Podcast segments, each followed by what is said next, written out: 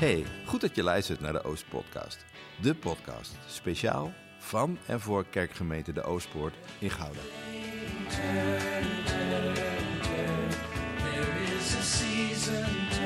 Met deze podcast willen we gemeenteleden een podium geven, waardoor we hem of haar beter leren kennen. We zoeken de onderlinge verbinding, maar niet dezelfde mening.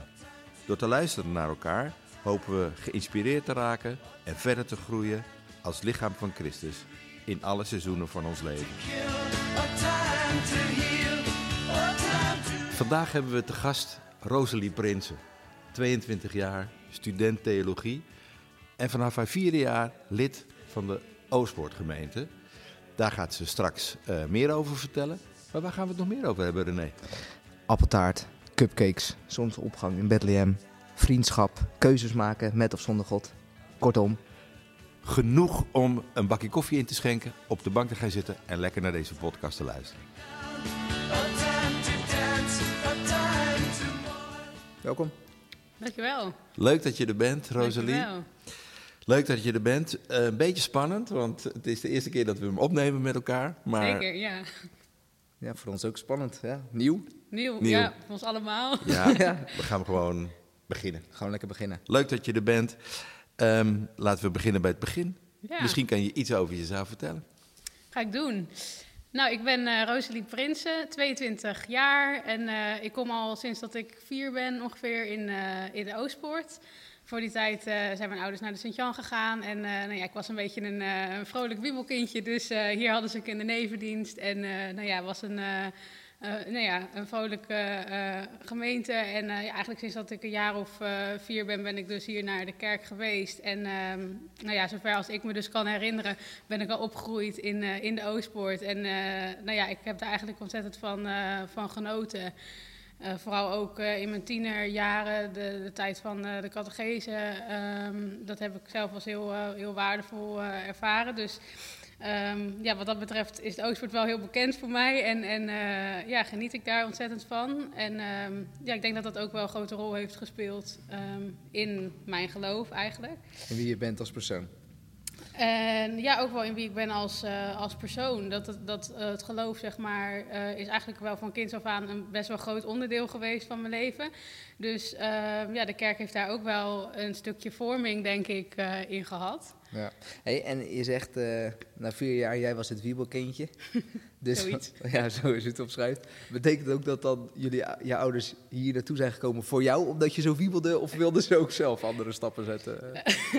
nou ja, zoals ik het heb begrepen, heeft dat wel een grote rol uh, daarin gespeeld. Uh, ja, voor mijn moeder, die is eigenlijk, heeft ja, in Sint-Jan gewoon, daar had ze veel contacten en ook veel, gewoon een fijne tijd eigenlijk gehad. Dus ze hadden niet per se een reden om weg te gaan. vooral eigenlijk gewoon omdat het prettig was, praktisch gezien. En in het begin moest ze ook best wel even wennen, maar na een tijdje um, ja, is dat eigenlijk steeds verder gegaan. En toen hebben ze ook nog wel de gedachte gehad van nou, als ze wat groter zijn, de kinderen, dan gaan we misschien wel weer terug. Uh, maar ja, in de loop van de tijd zijn, hebben ze eigenlijk gewoon hier een plekje gevonden. Precies, en ja. uh, dit was ook de wijkgemeente, we wonen ook hier in de buurt. Dus uh, ja, is dat uiteindelijk gewoon het, ja, was het eigenlijk wel een goede keus en uh, is dat gewoon zo gebleven. En is de standaard uitvalbasis geworden ja. voor jullie gezin? Ja, eigenlijk ja. wel. Ja. Je zei de, de catechese, die, dat inspireerde mij. Ja, Kan, je daar, kan je dat nog een beetje terughalen? Ja, ja ik, uh, het was eigenlijk het eerste jaar dat ze hier in de Oostpoort catechese gingen doen. Daarvoor was uh, huiscatechese geweest. Dat weet ik niet hoe dat, uh, hoe dat is geweest. Um, maar toen ik eigenlijk hier kwam als, uh, als brugklassertje, uh, toen um, ja, was het geloof um, speelde wel een rol zeg maar, in mijn leven, maar ik had nog niet heel erg, uh, ja, het was nog niet heel groot of zo. Zoals hoe ik, de vragen die ik nu heb, had ik toen nog niet echt. En eigenlijk kwamen toen alle thema's gewoon voorbij in het gezamenlijke gedeelte en hadden we daarna in kleine groepjes dat we daarover verder gingen, gingen praten en... Um, ja, dat heeft mij heel erg geholpen, zeg maar, door in gesprek te zijn over het geloof, uh, om ook een mening uh, daarin te vormen. Um, dus, ja, de tienerleeftijd is toch de tijd dat je gaat nadenken over wat vind ik nu eigenlijk. En, en ja, dat was toen, uh, was daar heel veel ruimte eigenlijk ja. voor. Dus een goede begeleiding vanuit de gemeente. Tenminste, als jij nu terugkijkt, denk je van, goede begeleiding vanuit de kerk. Ja, vooral, vooral de ruimte voor het gesprek, zeg maar. Niet, niet dat er alleen maar eh, wordt gez- gezonden van, eh, en gepraat, maar ook dat er echt de ruimte was om zelf een mening te vormen. Ik heb zelf op de Driestar gezeten en ehm, ja, vanuit een meer reformatorische achtergrond ehm, is gesprek toch, eh, werd het vaak meer opgelegd. En, en vanuit in de kerk kon ik er heel erg over praten. En, en die balans daartussen, tussen de Driestar en hier de categorisatie, zeg maar, was voor mij heel, eh, heel fijn. Goeie, goede mix voor jezelf. Ja, Ja. ja. Het is wel, ik vind het wel leuk dat, je, eh, dat ik vroeg aan je, wil je jezelf even iets over jezelf vertellen? En we gaan het gelijk over het geloof hebben. Eh, daar komen we nog zeker over te praten. ik vind het ook wel leuk om, om eens te horen hoe iemand anders jou zou omschrijven. Ja. Even wat voor, met, met wat voor iemand zitten we aan tafel hier? Ja, het valt, me, valt me eigenlijk nu zelf ook op dat ik eigenlijk gelijk over, over de kerk begon te praten. Dat is wel grappig. Dat heeft denk ik ook gewoon mee te maken omdat ik... eh, Dus we zitten ook niet voor niets, even voor de luisteraars, we zitten ook gewoon we zitten in, de kerk. kerk. We zitten in de Oostpoort. De, de Absoluut, sfeer, de is, eh, is daar. dat ja, is één. Ja. Maar ook eh, ja, omdat gewoon eh, dat wel een belangrijk onderdeel van mijn leven is. Maar dat betekent natuurlijk niet dat dat eh, mijn hele leven is. Ehm, want daarnaast ehm, geniet ik ook ontzettend van allerlei andere eh, leuke dingen. Ik ehm, heb bijvoorbeeld een aantal jaar toneel gespeeld. Eh, daar kan ik ontzettend van, eh, van genieten. Een stukje ja, spreken voor een groep, ehm toneelspelen voor een groep vind ik ontzettend leuk. Ehm, Ja, eh, dat, mag ik daarop inhaken? Want, eh, Absoluut. Want wij hebben, dat is denk ik ook wel leuk om te zeggen, we hebben ook contact gehad natuurlijk met, eh, met iemand die eh, dicht bij jou staat, in dit geval je vader. ja. Die beschreef ons iets over jouw, eh, jouw, toneelkunsten. En die gaf ook aan dat jouw eerste feestje toen je tien was, klopt, dat zal misschien gaan dagen, dat jij ook Ja. een toneelstuk hebt bedacht ook om te gaan uitvoeren. Ja, dat klopt. Eh, kan- je iets erover vertellen? Kan je iets vertellen? Wat heb je gedaan? Wat, heb je toen, wat, wat, hoe- wat was het toneelstuk? Wat hield het in? Eh, ja, toen ik, eh, toen ik tien jaar was, ik geloof dat ik tien was, of ik zat in groep zes in ieder geval. Toen ja, was ik helemaal vol van toneelspelen, ik zat op uh, musicaltheater. En ehm, nou, ik hou ook ontzettend veel van schrijven. Dus die twee, com- ja, die combinatie eigenlijk zorgde ervoor dat ik het heel leuk vond om zelf een toneelstuk te schrijven. Ehm, dus ja, ik ben eigenlijk gewoon gaan schrijven. En ik heb op een gegeven moment een stuk geschreven dat heette het Bolletjeschif. Ja, dat, is, dat was me bekend. Ja, het Correct, correcte- correct, Ja, ja, het dat klopt, ja. Jan, je hebt het goed onthouden. Ja, zeker. En- ja, ik, ik moet zeggen dat, dat de hoofdlijn van het verhaal is ook in de loop van de tijd weer een beetje weggezakt. Het was echt een, een kinderverhaal, maar Ja. het, het, ehm, Het typeert jou wel als het persoon. typeert mij als Ja. persoon dat ik, dat ik gewoon heel veel hou van schrijven en van toneelspelen. En, en ja, dat ik daar eigenlijk al van kinds af aan heel veel mee bezig ben, eh, ben geweest. En, en eh, hoe ziet dat er dan nu uit als je dan 12, wat is het, eh, 12, 13 jaar later bent? Ja, nou, ik speel, ik speel eh, geen toneel meer als in eh, wat ik eh, toen als, echt als hobby had, dat niet. Ehm, maar ik doe nog wel, ehm, ik, ik heb een tijdje hiervoor de PABO gedaan. eh, Oh ja. Dus het stukje spreken en voor een groep staan, dat zit er nog steeds in. En ik heb heel erg eigenlijk zelfvertrouwen daar geleerd. Heel erg geleerd om voor een groep te praten, maar ook Mm. gewoon mezelf te presenteren. Daarvoor was ik toch iets meer verlegen, denk ik. En daardoor kon ik het wat, meer, wat beter uiten. En ik denk dat ik er heel creatief door ben geworden. Dus alle ideetjes die ik nu heb in, ehm, ja, gewoon voor de klas, maar ook gewoon in mijn, mijn studie nu, in heel veel dingen dat in het schrijven, dat ik gewoon lekker creatief eh, eh, kan zijn. Oké, kijk, die talenten zitten erin natuurlijk, maar die zijn ook talenten naar buiten ook, gekomen. Heb jij die talent ook? hoor, Nee, ik ben, ik, ik ben nou, creatief. Nou ja, je vorming en toerusting, Ja. altijd Ja, wel. eh, wel. Ja, eh, ja, creatief associeer ik dan met knip- en plakwerk, maar dat... Nee, ja. ja, dat is het grappige, want dat is eigenlijk precies de creativiteit die ik niet heb. Oké, oké. Dus misschien... Nee, eh, ik, ik- het is wel grappig dat je het vraagt. Nee, want ik, creatief in, het, in, eh, in ideeën of dingen ontwikkelen of dingen bedenken, dat, dat, Dat heb ik ook ook wel. wel, En ook wel ook wel iets Ja. nieuws proberen. Net wat, wat we vanmiddag zitten te doen is ook nieuw. En dat- dat is ook Zeker. een soort Ja, dus ook een creatief idee. Ja, een soort creatief Ja. idee. Ja, Ja. ja. En bij jou, René? Ben jij creatief? Mm, nou, dus ook in ideeën, maar de uitvoer vind ik altijd lastig. Omdat ik, eh, ik zie dus heel veel. En dus ik zie een idee en dan denk ik, oh, dat moet er dan bij, dat moet er dan bij, dat, moet, dat moet erbij. Dus ik heb bijvoorbeeld, eh, mijn vader die wordt eh 60 jaar. Nou, dan heb ik echt een heel plan in mijn hoofd. Maar ik krijg dat gewoon heel moeilijk op papier. Dus Ja. ik, ik heb ondersteuners nodig. Dus eh, er zit heel veel in mijn hoofd en ik denk dat dat ook echt, ik kan wel vertalen. Maar het echt zelf uitwerken, dat vind ik heel lastig. En Ah, dat ja. heeft mijn broer bijvoorbeeld heel knap. Dat vind ik altijd geinig. Mijn broer heeft dus dat hij dat dus echt, hij, hij bedenkt en maakt het. Je ziet gewoon het kopie uit zijn hoofd zie je Oh, terugkomen. Ja, dus dat ja, is echt mooi als je dat kan. ja dat, daar ben ik ook wel een soort positief jaloers op. Maar eh, jij zegt, eh, knippen plakwerk is niet mijn dingetje. Nee, absoluut betekent niet. dus dat de decors worden voor jou gemaakt, maar de, Ja. het schrijven, het ja, ik, bedenken... het, het bedenken en het schrijven, dat, eh, dus ik krijg het wel op papier met woorden. Ik ben heel erg van de woorden, zowel in het praten als in het, in het schrijven eigenlijk. Ehm, dat, dat, is, eh, ja, dat komt goed terug. Maar eh, als ik echt moet gaan knippen en praktisch dingen moet gaan doen, je moet mij geen eh, muur laten behangen of zo. Of Nee. eh, eh, iets heel moois laten knutselen of eh, zoiets. Oké. Ehm, Oké. Oké, jij wil je vraag stellen. Nou ja, ik- misschien is het wel aardig om, om even terug te gaan naar die, de, de vraag die, die we hiervoor stelden van hoe zouden andere mensen jou omschrijven? Want je ging het zelf even doen, maar wat, wat, zien, wat zien vriendinnen van jou? Want je zei vriendinnen zijn voor mij heel belangrijk. Ja. Ehm, als het gaat om mijn karakter, dan denk ik eh, dat mijn vriendinnen wel vooral ehm, zullen zeggen dat ik een zacht, zacht karakter heb. Ik ben. ehm, ik word niet zo heel snel boos. Ik ben wel iemand die eh, ehm, ja, een, een gevoelsmens is, vrij lief, vrij lief en zacht.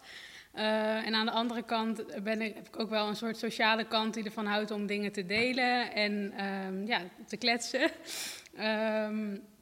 Dus aan de ene kant wel extravert, maar aan de andere kant ook wel in het nadenken, in het schrijven, introvert.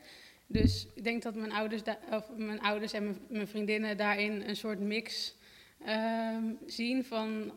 Sommige vrienden zullen mij kennen als druk, enthousiast, ehm, een beetje zo'n ex, ja, extravert, vrolijk figuur. Terwijl eh, iemand anders misschien mijn vriendinnen ehm, uit een ja, andere kant, die zullen misschien wat zeggen dat ik wat rustiger ben, wat stiller ben. Ehm, dus ik vind het lastig om één, één kant van mezelf daarin eh, te zeggen, omdat eigenlijk ja, ik een beetje beide kanten heb. Oké, ja, we, we gaan even terug naar je, je vader. Ja. Die, die iets over jou zei, eh, over dit. Oké. Ehm, als hij jou vergelijkt met een appeltaart, wat zou hij dan bedoelen, denk je? Ja, wij, wij Ja, vonden hem ik- ook leuk. hoor, Ik denk dat eh, ik dat gebaseerd heeft op bijvoorbeeld wat ik ooit zelf wel eens heb gegeven. Ehm, dat ging niet over een appeltaart, maar wel iets vergelijkbaars. Ik weet niet of hij daarop doelt. ik heb mezelf ooit, eh, ik schrijf dus heel veel en, en eh, ik heb in een notitieboekje ooit een, een cupcakeje getekend. En ja, dat, dat had eigenlijk een, een hele ehm, soort stevige bodem. En, en daarbovenop eh, zat dan een grote slagroomtoef. En ja, de, ja, ja, daar komt wel aardig Komt over. dat aardig ja, over? ja, ja, dat gaat de goede kant op. Gelukkig. Ja. Ja. dan heeft hij, ik denk dat hij daarop heeft gebaseerd. Eh, Dat eh, heb ik ook op school wel eens gebruikt. Dat is eigenlijk de onderkant is dan een soort mijn bedachtzaamheid, mijn, ehm, ja, mijn gevoel en, en de stevige basis, zeg maar. Ja. En, en daarbovenop zit eigenlijk een soort van vrolijke toef die af en toe eh, naar buiten komt als een soort spraakwaterval. ehm, Ja. En, en ehm, ja, dat spreken voor een groep eigenlijk. Wat grappig, want dat heeft zo omschreven hij het precies. En eigenlijk, als je het mij vraagt, is dat de lekkerste appeltaart die er is. Hè? Maar goed, dat is stevig, stevige bodem, goede topping. Ja, het heeft wel zijn voor- en zijn nadelen, maar over, over het algemeen ben ik er blij mee. Ja, ik, het, het scheelt dat je een beetje kan aanpassen aan, aan eh, ja, zowel heel extraverte mensen als heel introverte mensen. Ehm, het lastige is dat je soms het idee hebt dat je eigenlijk bij allebei niet helemaal past. Oh ja.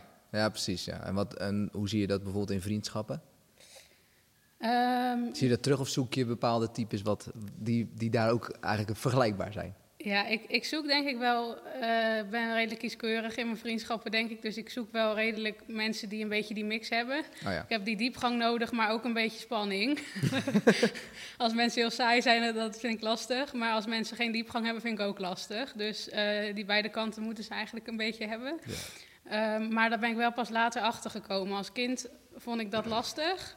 Toen eh, zat ik bijvoorbeeld eh, ja, wel in de klas en, en dan had ik soms het idee, ja, ik vind die diepgang, die aansluiting vind ik niet zo goed. Mm. Ehm, maar op een gegeven moment toen ik dat meer doorkreeg, kon ik daar ook meer naar zoeken en, en heb ik ook meer zulke vrienden gekregen. Ja. Wat bedoel je met, wat bedoel je met spanning in vriendschappen? Ehm, bij spanning bedoel ik niet per se dat ik de vriendschap zelf spannend vind, maar dat mensen een beetje avontuurlijk zijn. Oké, oké, een beetje thrill Eh, eh, seeking. ja, zeg maar dat, je, dat ze niet zo saai zijn. Dat ze alleen maar ja, bij bedachtzaam en bij serieus en diepgang hoort ook heel erg dat je eigenlijk, ja, sommige mensen die, die ja, zoeken dan misschien niet echt de spanning op of, of het avontuur. En Hm. ik vind het wel heel leuk als mensen af en toe ook even iets origineels hebben of, of even iets geks tussendoor. Ja. ehm, naast ook die diepe gesprekken. Oké, Ja, dat is snap leuk. ik. Want Ja. Vriendschap is voor jou, we hebben een voorgesprek gehad, vriendschap is voor jou heel belangrijk. Ja. Waarom is het belangrijk? Wat is er zo belangrijk aan vriendschap? Ehm, nou, ik denk eh, vooral eh, eigenlijk toen ik tiener was, ehm, heb ik een aantal vriendschappen opgebouwd die, ik- die ik heel belangrijk vind. eh, Ook voor mijn, mijn geloof eigenlijk. En ik denk dat de, de vriendschappen, als je vrienden hebt die gelovig zijn, ehm, vormt dat jou. Ook in- omdat je er samen over kan praten, omdat je samen in gesprek kan gaan. Ehm, en dat zorgt ook dat jouw mening eh, heel erg gekleurd wordt door wat zij zeggen. Ehm, en als ik bijvoorbeeld ehm, mijn eigen christelijke vrienden hebben mij heel veel daarin geleerd in wie ik ben en ook in, in mijn geloof. Ehm, maar ik heb ook bijvoorbeeld, ik denk dat het ook wel goed is om vrienden te hebben die juist bijvoorbeeld niet gelovig zijn. Ehm, omdat je misschien daarin ook wel weer iets kan betekenen en ehm, juist met hen ook dat gesprek aan kan gaan. En Ja. je hun dan misschien juist weer kan helpen van ja, hoe zij tegen het leven aankijken. En dat, je- dat je ook een beetje fris houdt, zeg maar, met je beide benen hier Ja. in, eh, in de wereld. Maar soms denk ik zelf wel eens dat ik dat te weinig heb. Eh, ik, ik word heel erg opgebouwd door, door mijn eigen eh, vriendschappen, mijn eigen vriendinnen. Omdat eigenlijk de meeste vrienden die ik heb zijn ook christelijk. Ja. Ehm, Ik ben ook best in de christelijke omgeving opgegroeid. Door toneel en zo is dat wel iets gewijzigd. Maar ik heb er niet heel veel, zeg maar, die in de andere, eh, die eigenlijk niet gelovig zijn. Ehm, dus soms zou ik daar wel iets meer ehm, naar willen streven eigenlijk. Om ook Ja. dat soort vriendschappen Ja, dat, komt natuurlijk. Uiteindelijk komt dat ook vanzelf als je meer dingen gaat doen op, je, op werkgebied. Of, Dat, kijk, ja, ja. ja. Soms zit je nog op een christelijke school en ontmoet je daar christelijke mensen. En dat is dus zo. dat ja. zijn ook wel dingen die, die gaan een beetje vanzelf. In En- het. Ja, zeg maar. in het, nou ja, ik wou je nog wat vragen. Eh, Want in het voorgesprek zei je ook van. Ehm, dat vriendinnen of vriendschappen je ook helpen bij keuzes maken in je leven. En Zeker, ja. bij de, nou ja, de zoektocht die we allemaal hebben van hoe geven we ons leven vorm. Ehm, maar ik vind het wel leuk als je daar iets over vertelt van hoe, hoe gaat dat dan? Hoe, hoe ge- gebruik je dan vriends, vriendinnen als klankbord? Of, of hoe, hoe leg je die thema's op tafel waar je mee worstelt? Eh, nou, het mooie van vriendschappen is dat eh, over het algemeen zijn de vriendschappen die ontstaan op plekken waar mensen zijn die een beetje dezelfde leeftijd hebben, een beetje dezelfde interesses. Ehm, ze hebben veel dingen vergelijkbaar. Dus je komt ook een beetje op dezelfde momenten in dezelfde fases. En daardoor kom je ook dezelfde problemen ehm, of dezelfde vragen vaak tegen. Ehm, dus voor mij helpt het heel erg eh, in het maken van mijn keuzes. Omdat ten eerste zij dat herkennen vaak. En herkenning is voor mij in het maken van keuzes al heel belangrijk. Omdat ik dan het gevoel heb van kijk, eh, ik heb dit nu gedeeld. En ik ben helemaal niet de enige die hier nu op dit moment mee worstelt. Er zijn nog, nog veel meer mensen die... eh, Die er moeite mee hebben. Precies. Ja, ja. Ehm, dus dat, eigenlijk die erkenning vind ik al heel prettig in het maken van keuzes. Dat, dat vriendinnen zeg maar dan achter je staan en dat die zoiets hebben van ja, eh, dat, dat, daar ben je helemaal niet de enige in. Ze hoeven eigenlijk geen oplossing voor het probleem te geven, maar ze, ze, hebben, ze herkennen het gewoon. Ja. En, en, en een persoonlijke vraag, als het mag. Eh, Zeker. eh, we- welke thema's heb ik het dan over? En even, even buiten geloof, hè, dus de, de geloofthema, dat was net, net de- al beschreven, maar wat, welke thema's heb je het dan over? Eh, ja, dat kan heel, heel praktisch zijn. Gewoon over ehm, ja, wat, voor, wat voor keuze maak je voor je, eh, voor je studie. Eh, maar ook bijvoorbeeld eh, vragen als in... ehm, ja, hoe, hoe, ga ik hoe ga ik om met de, met de dingen, ja, eigenlijk de dingen van alle dag. Dus ehm, Dus de kleine dingen. eigenlijk, de detailsdingen, ja, daar kan je- ja. heel erg in de kleine dingetjes. Ja, ja. Dus eh, thema's als social media en zo. Ik even gek. Of vrienden, vrienden daarnaast zoeken. Want jij zegt ook net van. ik, ik zoek. Bespreek je dan bijvoorbeeld ook met je vriendinnen die christelijk zijn van zouden we niet uit onze bubbel moeten of zo? Hoe wordt, dat, hoe wordt zoiets besproken? Ja, dat, dat, dat zou een hele goede vraag. Dat zou best iets kunnen zijn dat ik, dat ik dan uh, inderdaad aan, aan mijn vriendinnen zou kunnen vragen van joh, uh, ja, hoe staan jullie daarin? En, en uh, zouden we dat eigenlijk niet, niet meer ehm, moeten doen? Ik heb hem tot nog toe nog niet aan ze gevraagd, maar het is zeker een vraag die wel, wel aan de orde zou kunnen, zou kunnen komen, zeg maar. Maar goed, dat, dat zijn ook gewoon dingen eigenlijk, vooral in leeftijdsfases. Ik merk nu, zeg maar, op een gegeven moment kom je op een dan, dan ga je een beetje op uh, nadenken van, nou, uh, bijvoorbeeld, uh, hoe zal het in de toekomst gaan? Um, ja, bijvoorbeeld zoeken we naar werk. Er zijn er bijvoorbeeld meer vriendinnen die nog geen baan hebben, bijvoorbeeld. Dat je dan ja. samen gaat kijken van, joh, oh, ik loop er echt tegenaan dat ik elke keer solliciteer. En dan heb, heb ik uh, bijvoorbeeld weer um, een afwijzing. Een afwijzing. Iets, ja, en, en ja. hoe ga je daar dan mee om? Of bijvoorbeeld dat je denkt, ja, ik, dan had ik, uh, heb ik een date gehad met iemand. Uh, en nou, het bleek toch niks te zijn, weet je wel. Of gewoon eigenlijk al die dagelijkse dingen.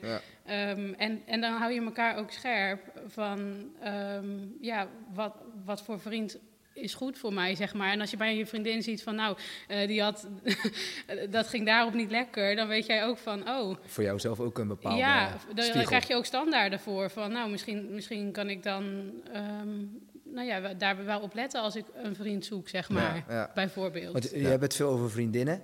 Uh, is dat, ik weet niet, ik wilde het ook wel aan jou vragen, gewoon, hoor. want heb jij had jij vroeger ook veel vrienden en is dat ook gebleven? Of is dat, was het ook een beetje... Want ja, dan even dus de, ja. de sekssfeer. Uh, van, of, of zeggen van nee, ik had eigenlijk ook heel veel vriendinnen. En, en, denk ik wel. Uh, maar er zijn een aantal vrienden zijn echt wel gebleven. Uh, want ik denk mijn beste vrienden, uh, die, die ken ik allemaal al... Nou, ik denk al 30 jaar minstens. Juist. Ja, dus dus dus dat, dat is in de, de periode gekomen waar jij nu in zit, zeg maar. En me, een van mijn beste vrienden ken ik al vanaf de jeugdclub van de kerk. Oh ja. Dus dat was een jaar of 13, 14. En uh, daarna is het door wat meer gezamenlijke activiteiten, waarin je mensen ontmoet. En, en daar trek, je de rest, trek ik tot nu toe de rest van mijn leven mee op. En die, die zijn er nu nog steeds. Um, dus dat is wel, dat is het mooie van deze periode waarin je verdieping zoekt. Ja. Um, en waarin je dus ook spart met je vriendinnen of met je vrienden, dingen deelt. Ja, wat, wat zorgt voor verbinding, Verbinding, ja. en verdieping van een relatie. Ik ben dan wel benieuwd van, um, uh, want je zegt, ik ben eigenlijk in de tijd van, dat, ergens in de twintig jaar ongeveer, uh, dat ik toen vriendschappen heb opgebouwd. En die duren eigenlijk al, nou, 30 jaar. Uh, dat spreekt wel van, van een grote trouw in vriendschappen. Ik denk dat daar ook wel verschil in zit. Dat sommige mensen die, die houden van ja, vriendschappen en die hebben dat een bepaalde tijd en, en dan stopt het weer. Maar um, ja, een vriendschap van 30 jaar is toch echt wel, echt wel een vriendschap. Hoe, uh, is Hoe dat een bewuste keuze? Hoe doe je dat? Ja. Nou, kijk, het voorbeeld wat jij geeft, dat, die zitten er ook tussen natuurlijk. Hè? Mensen met wie je een stukje oploopt en die dan een afslag nemen en die je dan Ja. een beetje uit het zicht eh, raken. Eh, en een aantal niet. En hoe, ja, hoe je dat doet, dat, dat moet je toch in, daar moet je in investeren. Dus je moet elkaar toch zien. ja. Eh, of eh, spreken. Een van mijn beste vrienden is verhuisd. Zeg maar tien jaar geleden of zo. ehm, ietsje langer. Naar de andere kant van het land. Ehm, ja, dus dan, dan moet je elkaar toch bellen. En nu kan je een appje sturen of een fotootje. Of, eh, en, en zorgen dat er een aantal keer per jaar een afspraakje is in, in Utrecht of eh, Ja. in Amersfoort eh, na het werk. En een hapje eten en een biertje drinken en elkaar zien en bijpraten. En zeker in moeilijke periodes van het leven, waarin, nou ja, de, de, Ja. de, de dingen voorbij komen waar je soms niet om vraagt. En die best lastig zijn om eh, doorheen te gaan. Dus eh, in dit geval was het een echtscheiding.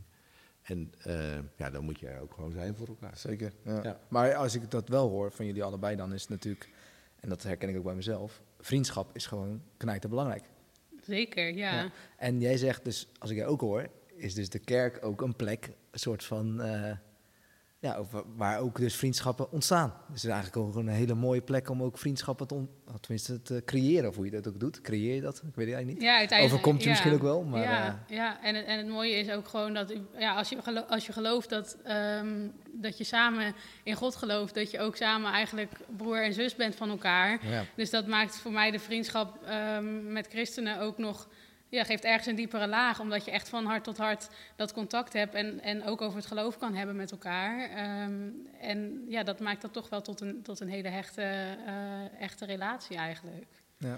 Heb, heb je een tip voor luisteraars die zitten te luisteren en zeggen van ja, maar vriendschap, ik vind het eigenlijk gewoon heel moeilijk. Eh, Ik vind het eigenlijk gewoon lastig. Wat zou je dan als tips geven, meegeven van om, om inderdaad die, dat onderhouden eventueel Ja. daar goed in te worden? Heb je daar tips voor? Nou, wat ik, wat ik zelf wel heel erg heb, heb geleerd, eigenlijk, ik had eh, toen ik begin van de middelbare school, ehm, was ik best wel een soort beetje gespannen daarin. Dat, dat je heel erg zoekt van, ja, maar ik wil zo graag een, goede vriendschappen hebben. En Ja. vanuit die spanning heb je dan heel erg het idee dat je zelf een soort van ehm, het beste moet zijn. Of dat je jezelf heel erg moet laten zien. En, en dat je dan, nou ja, waar we het net over hadden, dat je merkkleding gaat dragen. Of Ja, dat je precies, zoiets ja, hebt van, van. Ik, ja, ik laat mezelf eens even zien hoe ik ben. En, want dan komen ze misschien wel op me af. Ja.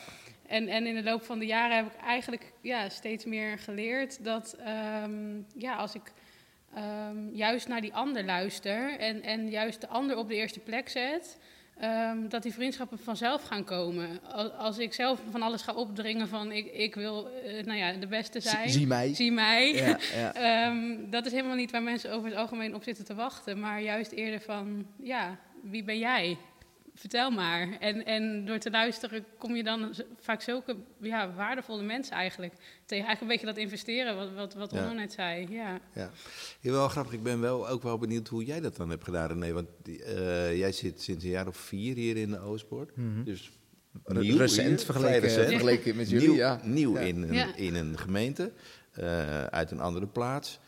Hoe is dat voor jou gegaan? Hoe kom je er, ertussen? Want het is soms ook best een gesloten bolwerk, denk Ja, ik wel ja. eens, zo'n gemeente. Nou, ik moet wel zeggen dat dat vind ik eerlijk gezegd de Oostpoort niet. Dus ik vind het niet echt een gesloten bolwerk. Wat ik wel heb gemerkt is dat je een soort van, je hebt, eh, ja, dat is misschien ook wel in laagjes opgebouwd.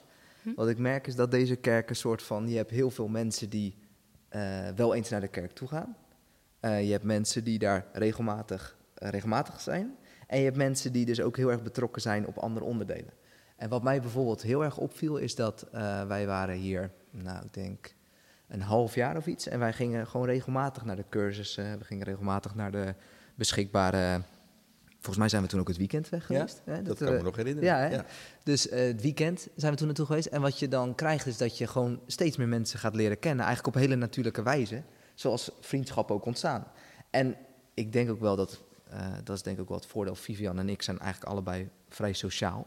Dus we hebben ook niet het... Ik heb niet heel veel gêne om op mensen af te stappen. Wat dus ook zorgt dat je snel met elkaar in gesprek raakt. En ja, wat jij ook zegt, Rosalie, vind ik mooi dat je dat net zegt... is dat je, je hebt een bepaalde basis. Dus, en die basis is vrij makkelijk praten. Dus je weet in eerste instantie weet je waar je het over kan hebben. En het dan kan je daarna nog wel eens over andere dingen hebben. En dat is Ja. ook gaaf, hè? dus daar kan je dan ook over delen. Maar ja, ik, doe, ik heb hier ook vriendschappen, die zijn gewoon hier spontaan ontstaan. Eh, ik heb met, eh, met, misschien kennen mensen wel, eh, Maarten van Nieuwkoop.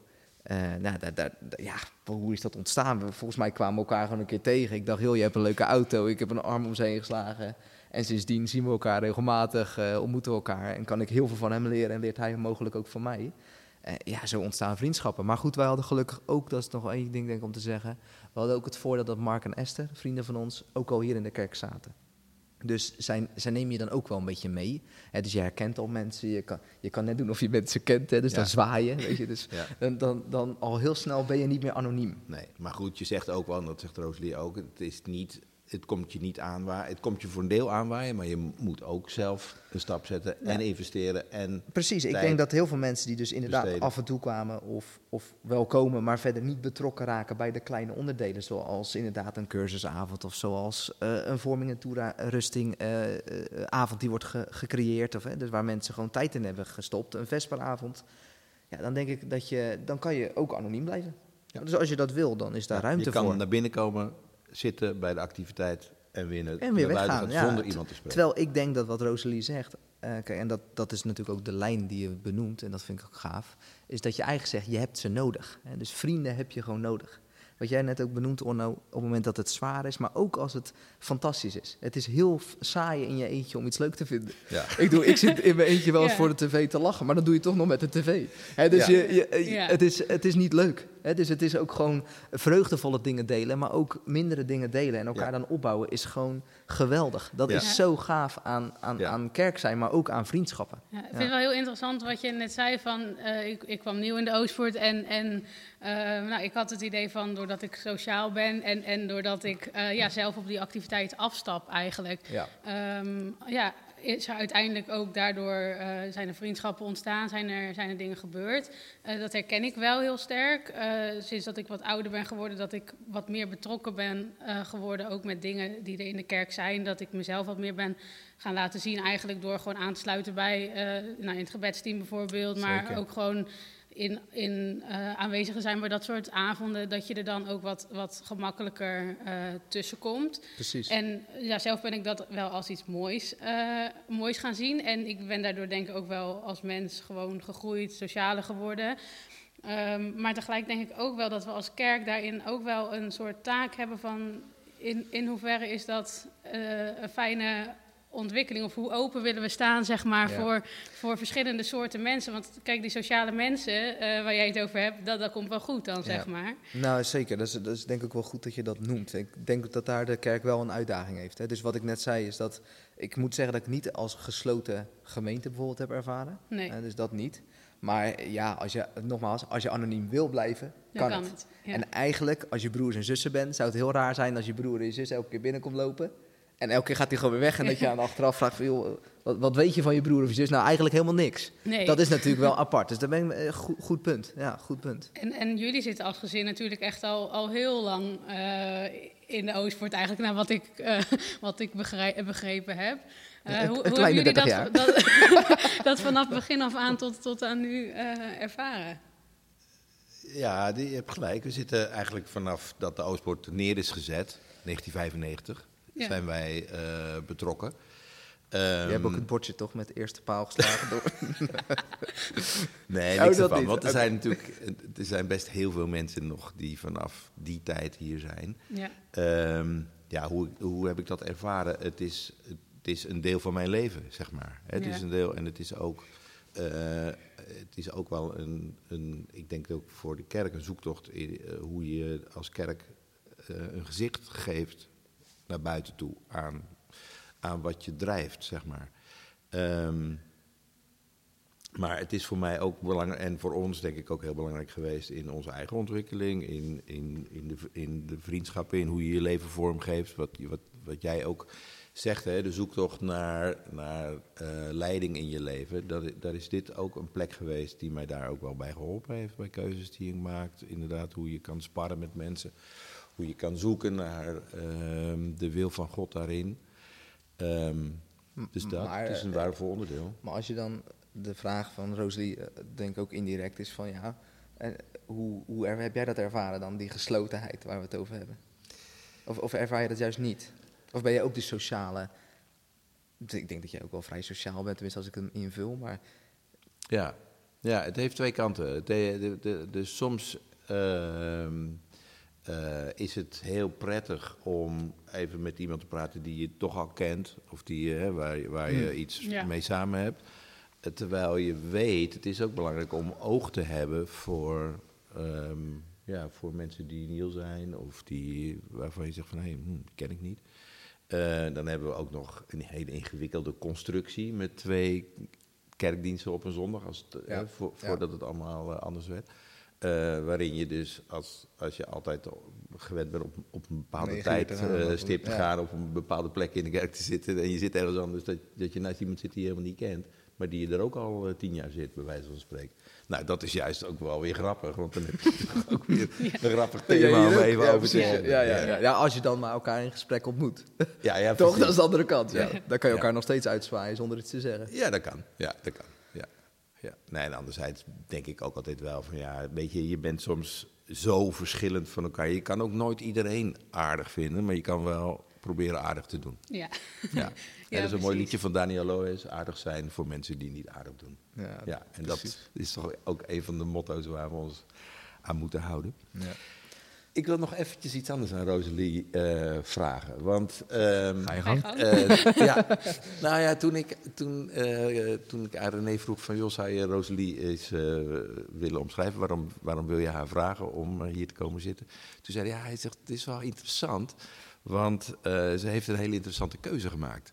Ze heeft, ze heeft een opleiding eh, gedaan... en ehm, eh, de, de Pedagogische Academie...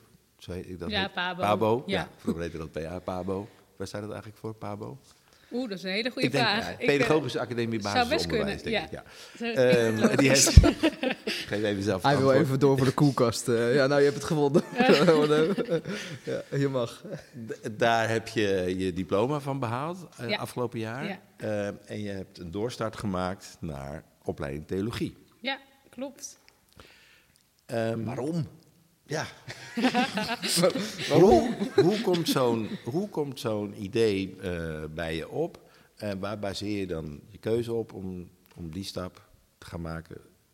Daar waren we eigenlijk heel erg benieuwd naar. Ja, nou ja, dat vind ik altijd een hele interessante vraag. Want ehm, als, als je aan mensen vertelt dat je eh, theologie gaat studeren, dan krijg je heel vaak een vraag van, oeh, waarom?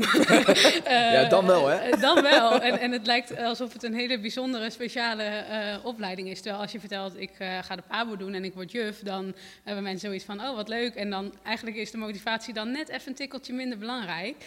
Ehm, en ik vind het altijd eigenlijk wel juist ook heel mooi dat ik heb best wel heel lang getwijfeld om deze keus te maken, omdat het voor mij ook wel een beetje zo, eh, zo voelde. Het is zelfs zo dat ik echt, ik denk een week van tevoren voordat eh, het nieuwe jaar eh, ging beginnen, dat ik toen pas de keuze heb gemaakt van, nou, het gaat uiteindelijk toch theologie worden.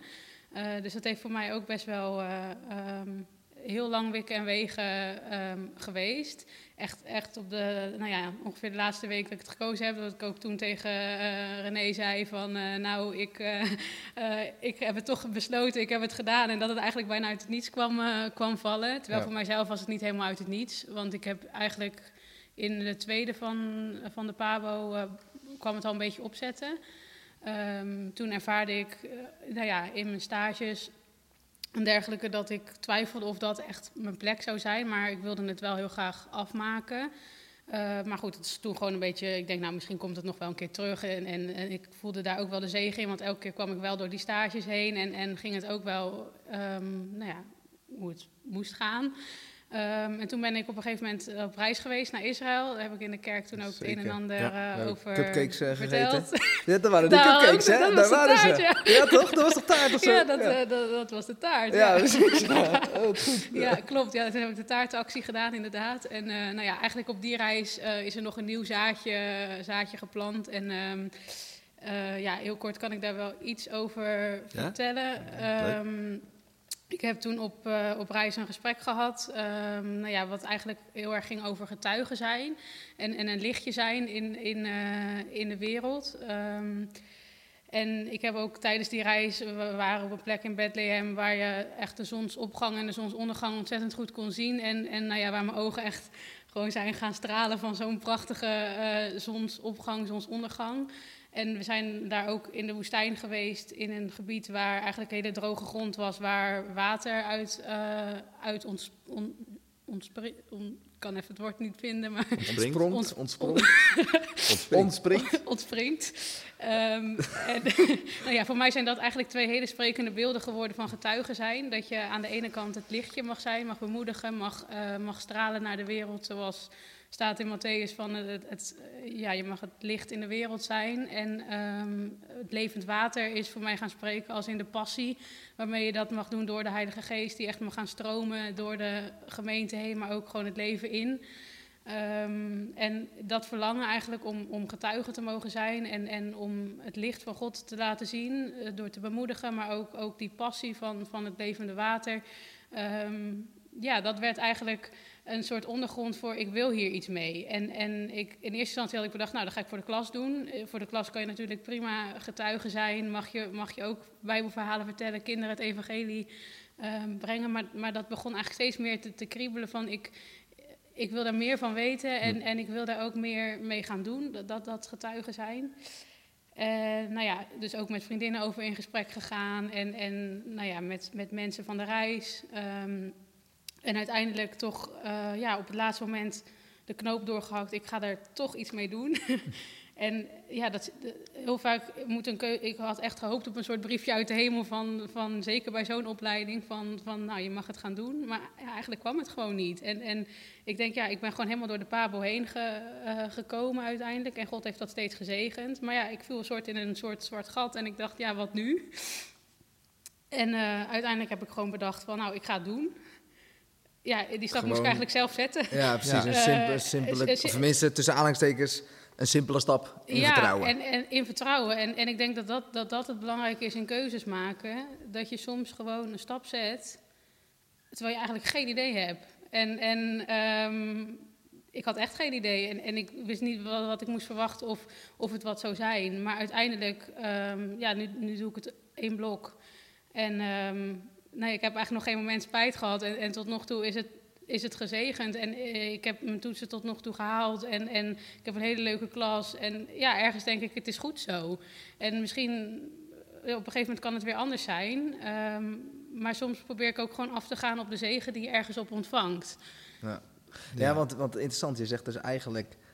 Uh, enerzijds zeg je van ja, je moet je soort van verantwoorden voor de keuzes die je maakt. Hè? Dus waarom ga je theologie studeren? Ja. En, nou, dat is dan dus de vraag die, uh, die wordt gesteld. Dat ja. wordt niet gedaan bij een PABO-opleiding. Uh, nee. maar aan de andere kant hoor ik ook bij jou inderdaad wel dat je diezelfde vraag jezelf hebt gesteld. dus, ja. dus het is niet een hele onbe het is niet een rare vraag. En toch zeg je nu, als je dan terugkijkt, denk je van eigenlijk is het wel een beetje een rare vraag. Want ik heb hem gewoon de keuze gemaakt zoals ik ook een PABO had kunnen kiezen. Gewoon in geloof, in vertrouwen. Dit kan ook dit kan de plek zijn waar ik meer leer over getuigen. Of ja, ik denk, ik denk dat, dat, dat dat een mooi is en dat het vooral een besef is wat daarna is gekomen. Oké. Okay.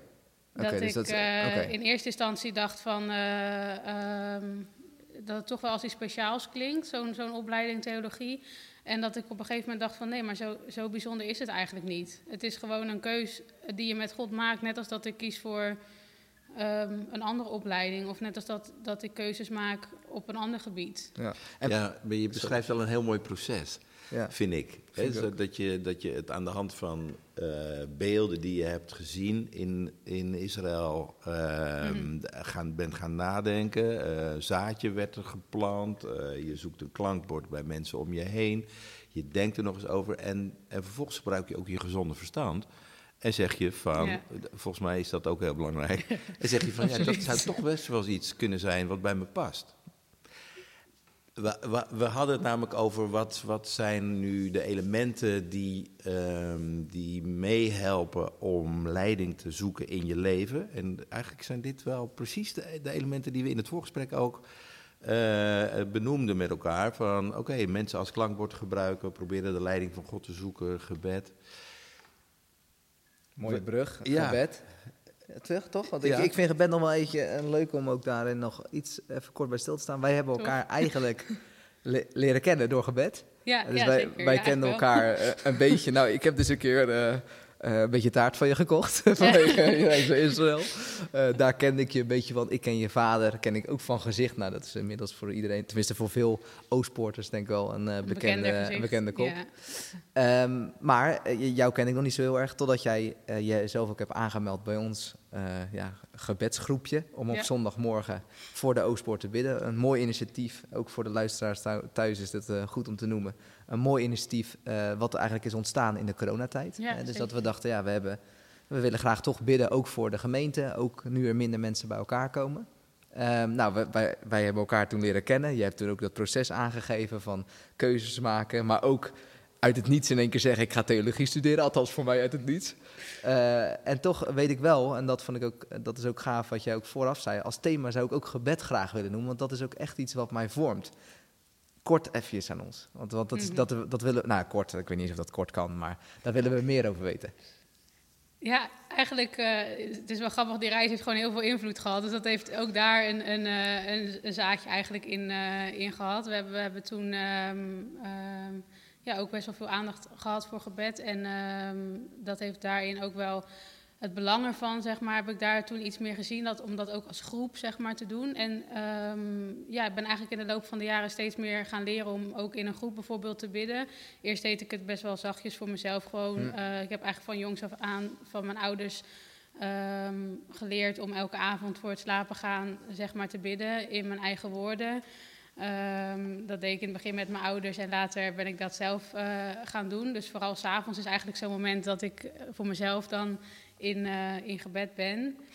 Ehm, en ja, in het begin was het voor mij heel erg een beetje een standaard iets. En het was ook een soort standaard gebed. En ik vond het moeilijk om daar los van te komen. Ik had heel erg moeite mee dat ik eigenlijk elke keer een beetje dezelfde dingen zei. En dat ik ook een beetje het gevoel had dat ik mijn gebed op dezelfde manier moest afsluiten. Heel erg een beetje volgens een soort formuletjes. En ehm, ik ben nu steeds meer de waarde van gebed gaan inzien. Als in dat het echt iets heel krachtigs is om gewoon te mogen praten. En gewoon echt alles wat er in je hart leeft ehm, met God te mogen delen. Ehm, en nou ja, zo'n soort moment als op zondagochtend, als ik dan met jullie bid, dan, dan ja, bouwt dat me ook wel echt op. En, en dan merk ik ook dat ja, door met God te praten begin je je dag dan ook al ja, echt wel anders. En, en ik ben echt geen ochtendmens, dus over het algemeen gezien is gewoon Nou, je doet het goed hoor, zondagochtend. 9 uur, hè? 9 uur. is, is ochtends echt niet mijn moment eigenlijk om, om te bidden. Dat is dan ook iets wat ik met vriendinnen wel eens bespreek. Ik heb, ja, ik heb een vriendin die kan gewoon elke ochtend ehm, daar gewoon goed de tijd voor maken. En, en ehm, die begint gewoon elke dag met gebed. En nou ja, ze, ik heb het een tijdje geprobeerd, maar voor mij is dat heel moeilijk. Ik, eh, ja, zo'n vast moment op dat moment ja, past dan niet echt bij mij, zeg maar. Maar gewoon zoals één keer in de week, dan probeer ik er toch die, die routine in te krijgen om het dan wel in de ochtend te doen. Omdat ik het ergens stiekem ben ik er wel een beetje jaloers op. En, en vind ik het echt iets moois. En, en ik denk ook wel dat je als ehm, ja, mens ook gewoon je wel mag inzetten daarvoor om, om echt, echt wel die momenten in te plannen. Ehm, want als je het een tijdje niet doet, dan is het ook wel, ehm, gaat het toch ook wel een beetje naar beneden. Ik Ja. merk dat ik het echt nodig heb. om Oké, dus, dus je noemt het ook een soort... Het is ook een beetje discipline, zeg je eigenlijk. Eigenlijk wel, ja. En, en je moet daarin je eigen moment zoeken. Want niet iedereen eh, kan dat ehm, elke dag of op een vast moment. Ik vind het moeilijk om daarin mijn routine te vinden, zeg maar. Dus echt een vaste routine ho- hoeft voor mij persoonlijk niet. Maar ik vind het wel heel belangrijk dat je er echt eh, tijd voor maakt. En dat je er ehm, wel voor gaat, zeg maar. En, en, Ja, maar eh, ik, ik grijp even in hoor. Nee, want ik weet ook, eh goede vrienden van mij, die zitten hier ook op. Van ja, maar, en die, tenminste, ik, ik kan hetzelfde zeggen, laat ik even zo zeggen. Maar dan reageren zij ook, en dat, die snap ik ook wel. Dan zeggen ze, ja, maar leuk, maar wat gebeurt er dan? Ik, ik, ik ben hartstikke hard aan het bidden en doe helemaal mijn best, maar ja, ik zie daar heel weinig tot niks van. Jij, jij gaat ons natuurlijk nu overtuigen waarom wij moeten bidden. Want ik zie je, je begint met fonkelen, hè, dus het- de, de ogen gaan stralen op het moment dat je over gebed begint. Dus waarom, waarom moeten we bidden? Dat is wel een hele goede vraag. Want het is natuurlijk niet zo dat als je bidt, dat, dat ehm, je direct zeg maar, ehm, het resultaat ook ziet. Hm. Ehm, maar ik ben er wel van overtuigd dat het uiteindelijk wel eh, zijn resultaat geeft. En soms mag je daar praktisch een voorbeeld van zien. In het eh, gesprek wat jij eh, een tijdje geleden eh, voor de Oostpoort in het filmpje ook liet zien, heb je nog een heel mooi voorbeeld gegeven van gebed wat jullie hadden. En Ehm, ja, waar je ook daadwerkelijk gelijk de uitwerking van zag. Ehm, ja, tegelijkertijd maakt dat het ook weer lastig, want het is heel vaak zo dat je bidt en dat je dat helemaal niet direct ziet. Ehm, maar ik denk dat gebed, als je bidt op de lange termijn, wel echt eh, resultaat heeft. Zelf eh, ja, heb ik wel een hele tijd voor iets gebeden. Ehm, en eigenlijk pas echt na zes jaar of zo ehm, dat iemand tot geloof kwam. Ehm, het heeft echt heel veel jaar overheen gegaan en uiteindelijk eh, dat het toch mocht gebeuren, zeg maar. En terwijl als, ja, als je het opgeeft tussendoor, ehm, was dat misschien... Ja, niet dat het dan niet was gebeurd, want ik geloof dat God nog steeds krachtig is, ehm, dat hij dat dan nog steeds zou kunnen doen. Maar hij wil je er soms ook wel gewoon ehm, voor gebruiken. En dus jij Ja. hebt daar eigenlijk een keuze in gemaakt, gedisciplineerd, om daarvoor te bidden. En dan heb je dus eigenlijk ook een moment dat stel dat zoiets niet gebeurt. Wat, wat, want dat, die voorbeelden hebben we ook. En we hebben ook als we gebeden hebben voor onze, nou, misschien ziekte, misschien. Hè, dus dan Dat heb je het ook voorbeelden dat bepaalde Ja. dingen eh, uiteindelijk niet aflopen zoals jij wel hebt gevraagd. Eh, hoe- hoe rust je daar dan in? Ja, ik denk, ik denk dat dat heel lastig is. En, en dat misschien gebed wat dat betreft echt een soort... eh, ehm, ook gewoon voor jezelf ehm, rust geeft. Het is soms niet per se de oplossing voor het probleem waar je voor bidt. Ehm, maar je bent eigenlijk op zo'n moment in de aanwezigheid van God. En ehm, voor mijzelf, het is niet per se een gevoel wat je dan voelt. Maar het is wel het idee dat je het aan God hebt verteld en dat Hij het uiteindelijk in de hand heeft, de hele wereld. En uiteindelijk is de wereld niet perfect en, en zijn er gewoon heel veel lijden, heel veel. ehm, want dat, zo staat het ook gewoon letterlijk in de Bijbel. Dat zal alleen maar meer worden zelfs. Dus jij zegt, Ehm. de verantwoordelijkheid, die leg ik bij God. Eigenlijk, ja, ja. Ik vind het wel mooie elementen die je noemt. Je zegt het bouwt mij op. Het is, ik ben in de aanwezigheid van God, dus ik ben, hè, dat is niet zo goed als een leven dicht bij Hem. ja. Je zegt, ja, daar probeer ik vorm aan te geven en me ook, zeg maar, ehm, ja, dat, dat op die manier te doen. En daar ook plezier aan te beleven en van te genieten. ja. Hoe, hoe is dat voor jullie? Of eh, nog eerst aan jou, eh Onno? Ja, ik, heb niet, ik, ik ben ook niet zo gedisciplineerd als dat ik eruit zie, zeg maar. Oké, Dus dat is altijd wel... dat is ook dat valt een tegen. maar ik, ik ben vooral benieuwd nu, tenminste daar denk ik nu vooral, wie heeft ooit tegen jou gezegd dat je er gedisciplineerd uitziet? Wanneer is dat dus ik gebeurd? Probeer het ook, ik probeer het een beetje in te weven eh, in mijn leven. Ik heb vooral de vaste dingen eromheen nodig. Hè. Ik heb vooral die zondag nodig om eh, erop te kunnen richten. Ik heb vooral hè, zo de Bijbelstudiekring of de momenten rondom het eten. En verder probeer ik het... Nou, ik fiets veel. Hè, fiets elke dag naar mijn werk. En, ehm, en dat is ook een mooi moment om je gedachten ook de vrije loop te kunnen laten. En dat is ook... In feite is dat ook wat jij zegt. Ja. Dan, dan kun- kunnen er ook allerlei dingen voorbij komen die in je, in je hart spelen en eh, waar je over nadenkt. En probeer je daar richting in te vinden in de wetenschap dat, ehm, dat God er ook bij is. Mooi. Ja. Ja. Ik denk dat we rustig aan gaan afronden. Ja. Ja, Ik- ik, ik, wil even nog terugkomen op de keuze Oh, van toch de niet, opleiding toch die je gemaakt Ja, hebt, ja. Rosalie. Eh, en, en jou even eh, te laten dromen eh, over waar je over vier, vijf jaar bent. Misschien is dat wel. Ja, een- dat is wel een leuke afrol. af Ja, het is wel een mee af te sluiten. Ja, Mooi. interessant. Ja. Ik vind dat wel een hele ingewikkelde, want dat is eigenlijk precies eh, de hele struggle eh, ja, waar ik op dit moment middenin zit. En eh, ik denk dat dat ook wel iets is wat gewoon mag doorklinken. Want eh, ja, wat ik zeg, eh, soms maak je keuzes heel kort vooraf. en ehm, ja, probeer je daarin te vertrouwen. En ik denk dat het ook zit met, met waar ik over vijf jaar ben. Ehm, dat ik eigenlijk ja, heel erg aan het leren ben, om dat dus nu nog niet te weten. Dat ik daar ook, ja, ook wel mijn handen ja, eigenlijk leeg in wil laten. En, en het juist misschien ook wel aan God wil, ehm, wil overgeven. Natuurlijk heb je wel een paar opties, want, want ik denk dat je ook mag dromen. En ik heb gewoon een ontzettende passie voor kinderen, voor jongeren, ehm, ja, voor het jonge gedeelte van, van de kerk. Ehm, dus ja, dat kwam in de Pabo natuurlijk ook terug. Dus het ligt vrij voor de hand om daar ook iets mee te doen. Eh, dus het kan best zijn dat ik uiteindelijk binnen het kinderwerk, binnen het jeugdwerk eh, eh, terecht ga komen. Ehm, maar goed, wat ik zeg, ik heb ook die introverte diepe kant, die extraverte spreekkant. Eh, dus wie weet dat ik ook nog wel ehm, ja, iets in gespreksvorming met mensen wil, waar je die diepgang in kan gaan. Eh, als je dan kijkt naar pastoraat, of dat je juist iets in het spreken mag doen. Dus ehm, voor Maar- een groep, het is heel breed. Laat het ja, daarop maar als je, als je zegt met lege handen, en je liet ook je lege handen even zien, dan vertaal ik dat als in afhankelijkheid van God die weg maar gewoon gaan en zien waar die uitkomt. Ja, en da- eigenlijk ben ik daar heel slecht in.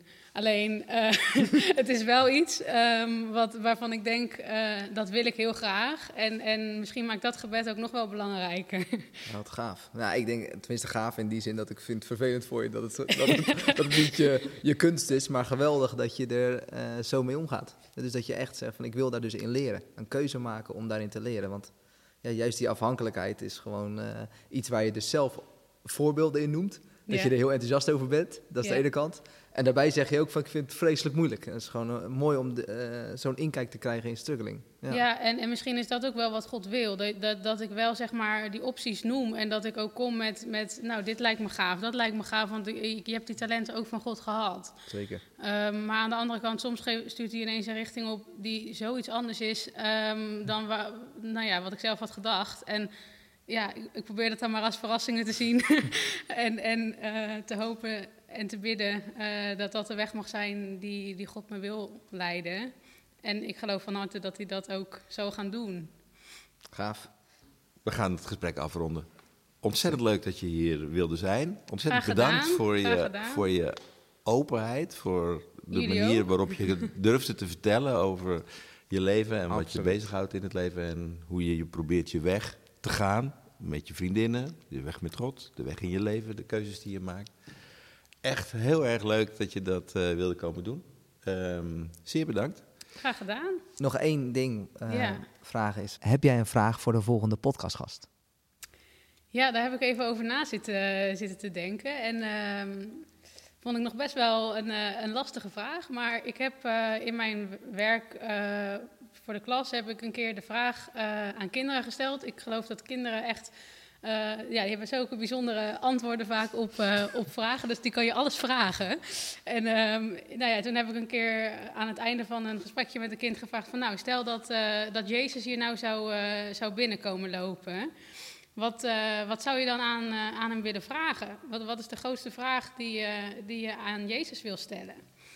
En ehm, ja, daar ben ik eigenlijk wel heel benieuwd naar, naar de volgende eh, luisteraar. van, dat is eh, wel echt... eh, Nou, daar zal hij blij mee zijn.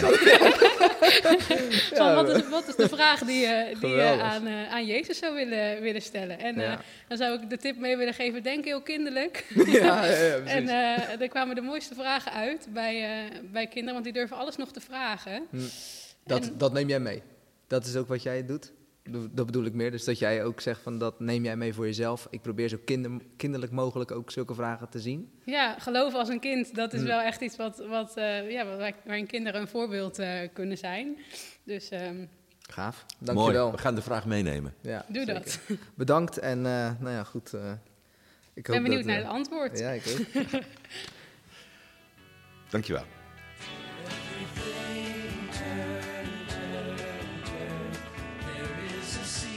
Deze podcast wordt gemaakt door René Rijm en Onno Kastelein met technische ondersteuning van Bob Luursema.